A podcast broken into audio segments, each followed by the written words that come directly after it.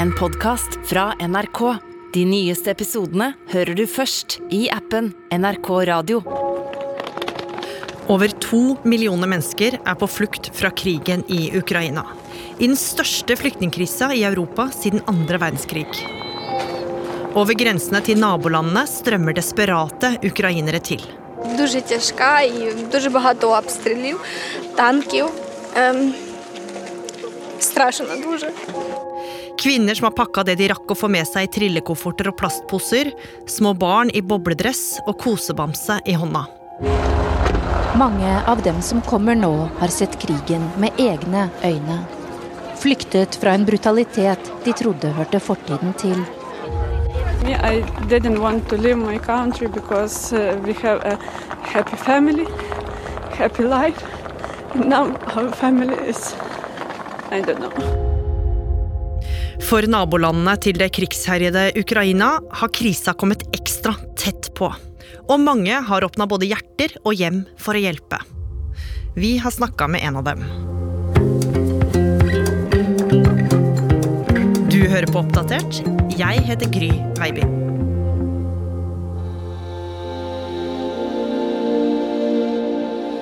Om morgenen så står jeg opp og går inn på badet, som man gjør hver morgen. Og så bruker jeg å skru på radioen, og det første jeg gjør.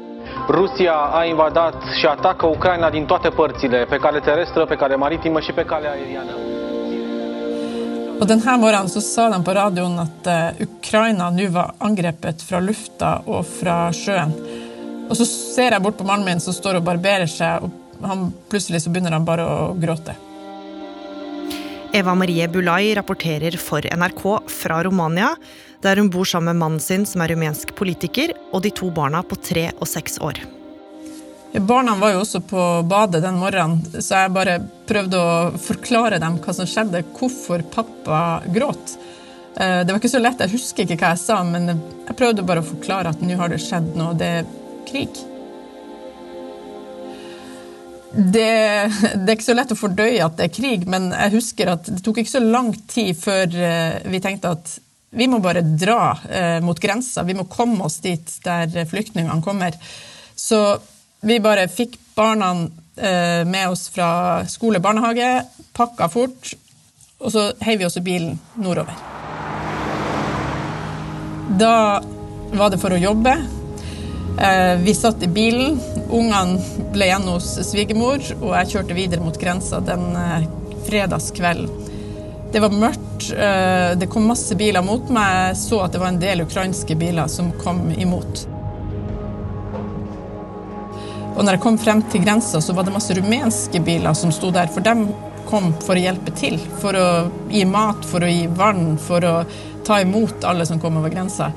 Så jeg husker spesielt jeg skulle rapportere Kveldsnytt, og det var sent, det var jo nesten midnatt da, rumensk tid. Rett ved siden av meg så sto det noen som hadde satt opp en gassbrenner, og de hadde begynt å steke pommes frites til dem som kom over.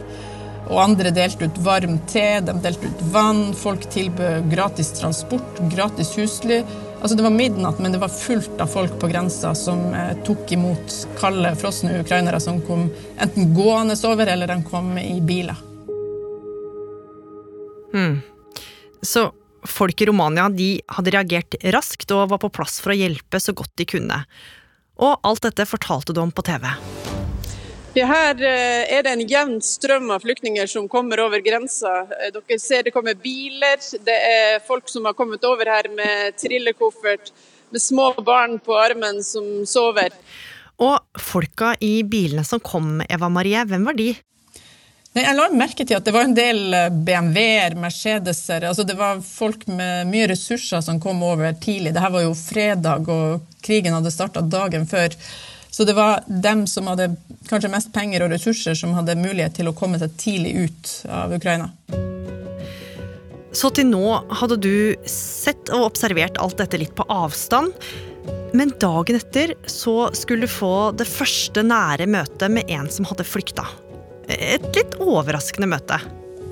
Ja, det ringte noen fra desken og sa hei, det er en nordmann som har kommet over grensa. Så tenkte jeg hallo, skal vi snakke med en nordmann nå? Det er liksom hundrevis av ukrainere her som har det helt forferdelig, har dratt fra hus og hjem.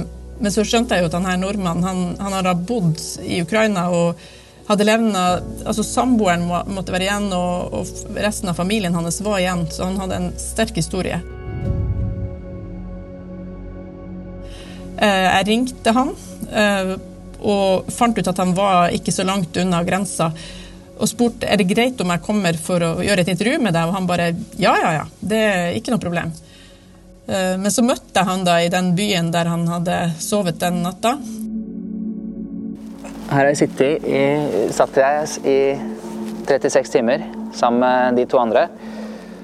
Og da, når jeg begynte å stille han spørsmål, så merka at alle opplevelsene kom tilbake, og han sa bare 'unnskyld, jeg må, jeg må gå bort'. Jeg må bare samle meg. Eh, jeg har løpende kontakt med alle mine venner og bekjente og kjæreste i Kharkov. Men eh, eh, det er også vanskelig å få all den kontakten. Han klarte ikke å svare, og spesielt når jeg spurte om flukta når han skulle dra så kom alt tilbake. og Han hadde liksom begynt å da prosessere hva som hadde skjedd. Han tror han sjøl også ble overraska over hvordan han reagerte, hvor sterkt det ble for han der og da. Og Hvordan var dette møtet for deg, Eva Marie? Ja, Dette var egentlig det første sånn ordentlige møtet med en som hadde flykta fra krigen. Jeg begynte å, å skjønne hvordan opplevelser de hadde, de som eh, dro fra Ukraina. Og at de hadde dratt fra familie, venner, nære, som de ikke ante hva som kom til å skje med dem. Og i dagene som fulgte, så skulle du jo få se med egne øyne hvordan flyktningsituasjonen bare ble mer og mer desperat. Og du bestemte deg faktisk for å krysse grensa fra Romania og dra inn i Ukraina. Ja, En dag så husker jeg vi, altså Det er en spesiell dag, for da kjørte vi over grensa til Ukraina. og til nå så hadde jeg sett folk som kom inn på rumensk side. Da strømma det flyktninger over. Men når vi kom på ukrainsk side, så var det køer. Folk sto som sauer i en inngjerding rett ved grensa for å komme seg inn. Og når vi kjørte langs uh, grenseveien, så var det liksom en jevn strøm av folk med trillekofferter. Folk hadde med seg hunden sin, det var barnevogner. Det var folk desperat på flukt fra krig. Og jeg ble helt uh, satt ut, for det var liksom folk som ligna på meg og det. Altså, det kunne vært meg som måtte gå der.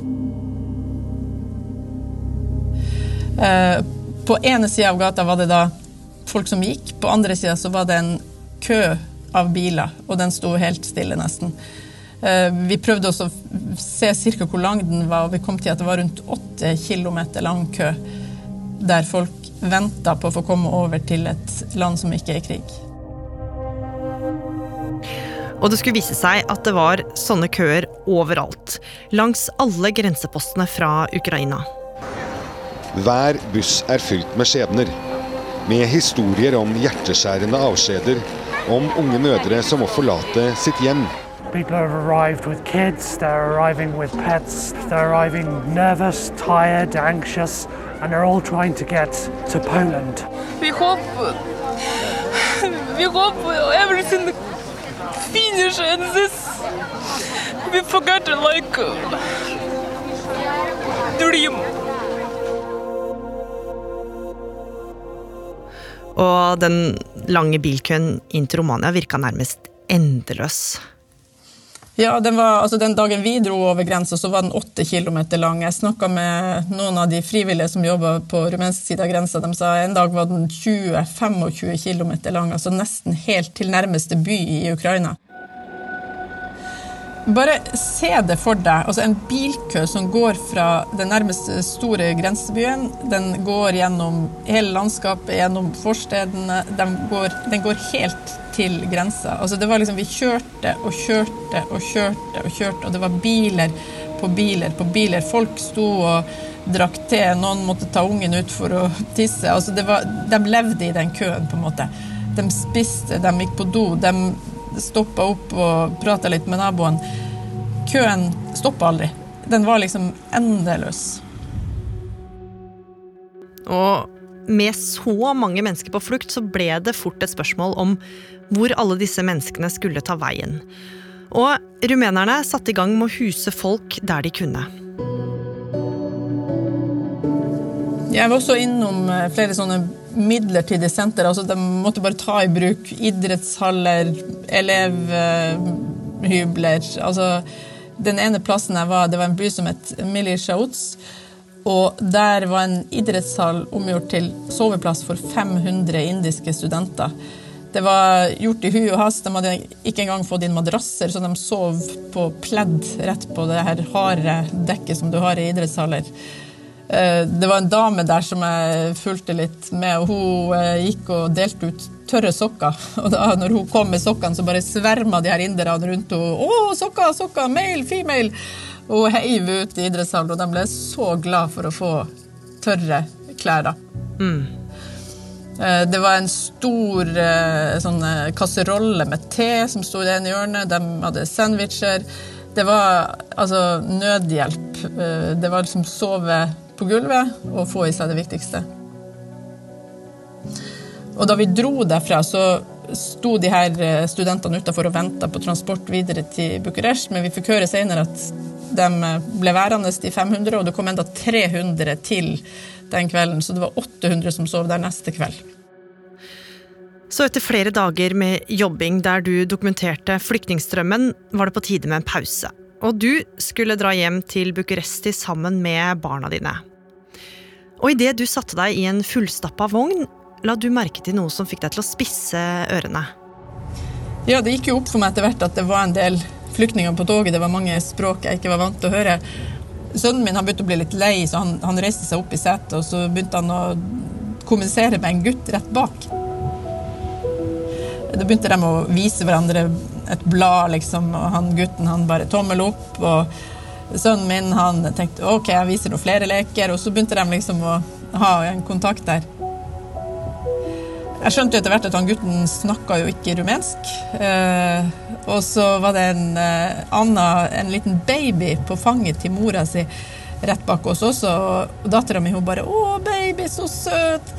Og baby begynte å gråte. og han ble veldig opptatt av å se på den babyen her. Og, og så kom det en mann og så, satt rett ved siden av meg, og, og da skjønte jeg at det var jo bestefaren til han gutten her. Og han fortalte at den familien de kom fra Kyiv. På litt sånn gebrokkent engelsk og med litt hjelp fra en sidemann som snakka russisk, så fikk jeg vite at de var på vei videre. Jeg spurte hvor, hvor skal dere? Kanskje til Tyskland, sier han. Eller neste setning sier han. Eller kanskje Tyrkia. Han visste ikke helt. De hadde egentlig ikke noen plan.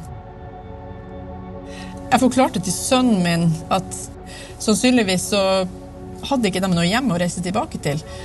Og jeg sa til dattera mi at de hadde rømt fra krigen. Og hun, hun har en sånn, et sånt bilde. Men hvorfor har de ikke noe hus, sier hun. Så sier hun nei, kanskje huset deres er ødelagt. Og så sier hun huset deres brenner. Og det bruker hun å si nå når, når, vi snakker om krigen, så sier hun huset brenner. Vi kunne da dra hjem til vårt hus, sove i vår seng, men de ante ikke hvor de skulle videre. Og jeg så på sønnen min at han, det gjorde inntrykk på han. Dem han hadde møtt på toget, seksåringen som han hadde vist bladet sitt til, han hadde ikke noe hjem å dra hjem til. Og det skulle jo komme flere sterke inntrykk. For når dere kom fram til Bucuresti, altså byen der dere bor i, så skulle dere bli møtt på en litt spesiell måte. Dere ble rett og slett tatt for å være flyktninger. Ja, jeg var ikke forberedt på hva som møtte oss på togstasjonen. For der når vi kom ut av toget, så ble vi møtt av åpne armer. Altså Det kom folk mot oss og spurte om vi trengte et sted å bo, om vi trengte en seng å sove i, om vi trengte mat. Og jeg reiste jo sammen med min svigerinne, så vi var altså da to damer med to barn. Så vi så jo ut som vi, vi kom fra krigen. Eh, både jeg og hun ble helt rørt og fikk tårer i øynene av den velkomsten vi fikk på togstasjonen. Og vi gikk eh, ut av selve området, og så sto vi og venta på en Uber. Og da, mens vi sto der, så kom det to forskjellige personer bort og spurte om, om vi trengte hjelp på ukrainsk eller russisk. Jeg vet ikke. Så nå var dere kommet hjem, og du prøvde å koble av og vende tilbake til hverdagen. Men så skulle du få en telefon fra mannen din som gjorde at flyktningkrisa kom enda tettere på. For han hadde møtt en familie som trengte hjelp. Og denne gangen så ble det personlig for deg, Eva Marie. Ja, da hadde han eh, akkurat møtt tre damer og en, en liten gutt som eh, hadde flykta fra Odessa i Ukraina. Eh, de eh, spurte om hjelp til å komme seg til togstasjonen for å finne billetter videre til Tyskland. Men han ringte meg fordi de, de hadde ikke noe sted å bo eh, mens de venta på å komme seg videre. Så han spurte er det greit om jeg tar dem hjem. Jeg tenkte ikke lenge, jeg bare sa ja, selvfølgelig, det går helt fint. Jeg slapp det jeg hadde i hendene, og så for jeg hjem, for jeg var også ute, og redde opp noen senger. Så kom han hjem med dem eh, til oss. Eh, jeg husker jeg skulle hente barna i barnehage og på skole, og når jeg henta dem, så sa jeg at nå når dere kommer hjem, så er det en gutt hos oss, og så er det tre damer som har flykta fra krigen. Og sønnen min bare Men hvorfor skal de bo hos oss? Jeg bare sa at de har ikke noe sted å bo, de trenger en seng å sove i. Og når vi kom hjem, så var jo gutten min han var jo rett bort og, og sjekka ut de bilene som han her treårige gutten fra Ukraina hadde med seg. Og de ble veldig populære. Så de satt på lekematta og kunne ikke snakke sammen, men de lekte godt sammen. Min treåring, min seksåring og også han treåringen fra Ukraina. da. Eh, vi snakka jo med de her damene, de snakka greit engelsk. Eh, de var utrolig takknemlige. De sa 'thank you, thank you' hele tida og visste ikke hvordan de kunne hjelpe til. De hjalp til på kjøkkenet, de takka veldig mange ganger for at de fikk lov å, å være hos oss. Og jeg husker På kvelden så spurte jeg er det greit om jeg setter på nyhetene. Så de ja, ja, ja, ja. Og så gjorde jeg det. Og da var det bilder av en bilkø fra Odessa. Og hun her ene sa at der sto vi i går. Der gikk vi over. De hadde gått 7,5 km for å komme seg over grensa, og de var utslitt. Og så sa de at da vi var der, så var det tre rekker med biler, men nå hadde de ordna det var bare én eh, rekke med biler som skulle over grensa. Men det var ganske sterkt å, å se bilder fra deres hjemby på TV-en. Og han gutten som satt og lekte på matta, han, han spurte jo av og til etter pappaen sin. Og så viste det seg at han hadde en liten hund som han savna veldig hjemme i Ukraina. Og den, eh, det var jo en bestemor med her. Hun eh, satt oppe på balkongen vår og jeg vil si kjederøyka. Hun var tydelig spent, nervøs. eh, Eller også merket til at de spiste ikke så mye. De hadde ikke så mye matlyst, sa de. De visste ikke helt hvor de skulle videre. De, planen deres var da å dra til Tyskland til en onkel, men hvor lenge skulle de være der? Hva skulle skje videre? Det, det ante de ikke. Så etter en natt i trygghet hos dere, så skulle den lille familien dra videre. Og Eva Marie, hvordan ble den avskjeden? Nei, Jeg tenkte nå at jeg bare skulle følge dem ned til bilen, for vi skulle kjøre dem til togstasjonen. Eh, Jeg sa ha det til de to eh, yngste damene først, og så kom bestemor, og så ga hun meg en spontan klem. Og da kjente jeg bare Nå kom alle følelsene. Jeg ante ikke hvor de skulle videre. Eh, De ante ikke hvor de skulle videre. Og jeg bare ga en rask klem til de to andre også, og så bare gikk jeg og snudde meg fort, fordi jeg kjente at nå klarer jeg ikke mer.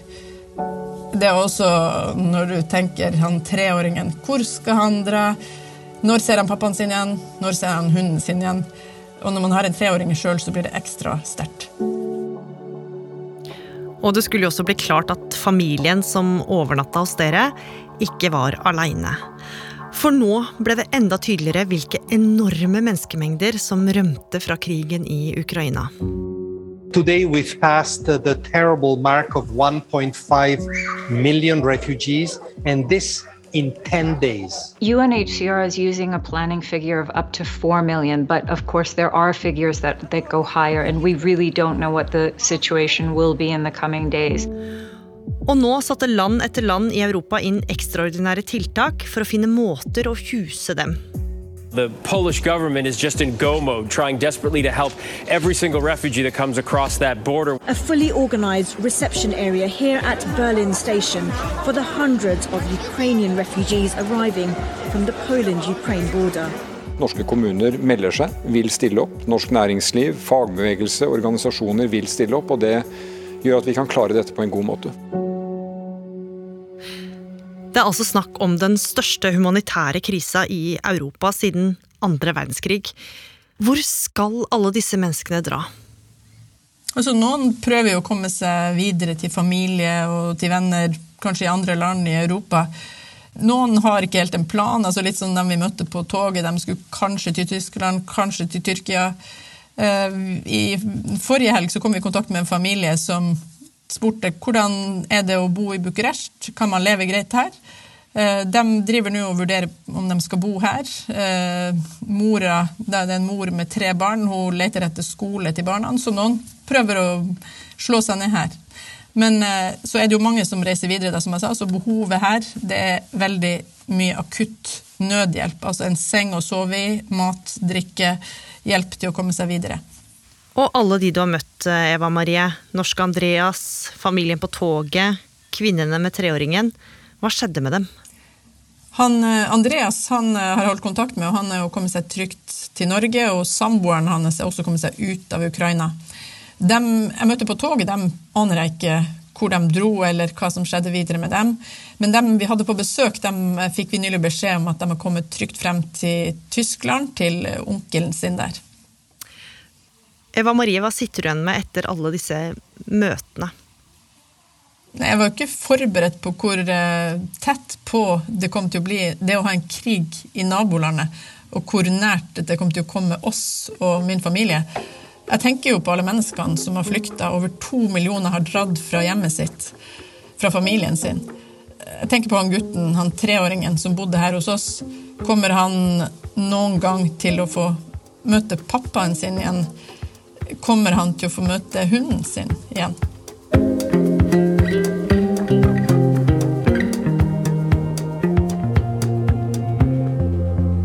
Oppdatert er en podkast fra NRK Nyheter. Og denne episoden er laga av Martin Holvik. Id Skrivaraug. Andreas Berge. Og meg, Gry Veiby. Programredaktør er Knut Magnus Berge. I denne episoden har du et klipp fra Daily Mail, Digi24, The Telegraph, CBS, ABC og NRK. Har du innspill eller tips, send oss gjerne en e-post til oppdatert krøllalfa nrk.no. Og du, likte du det du hørte, så tips gjerne en venn om oss.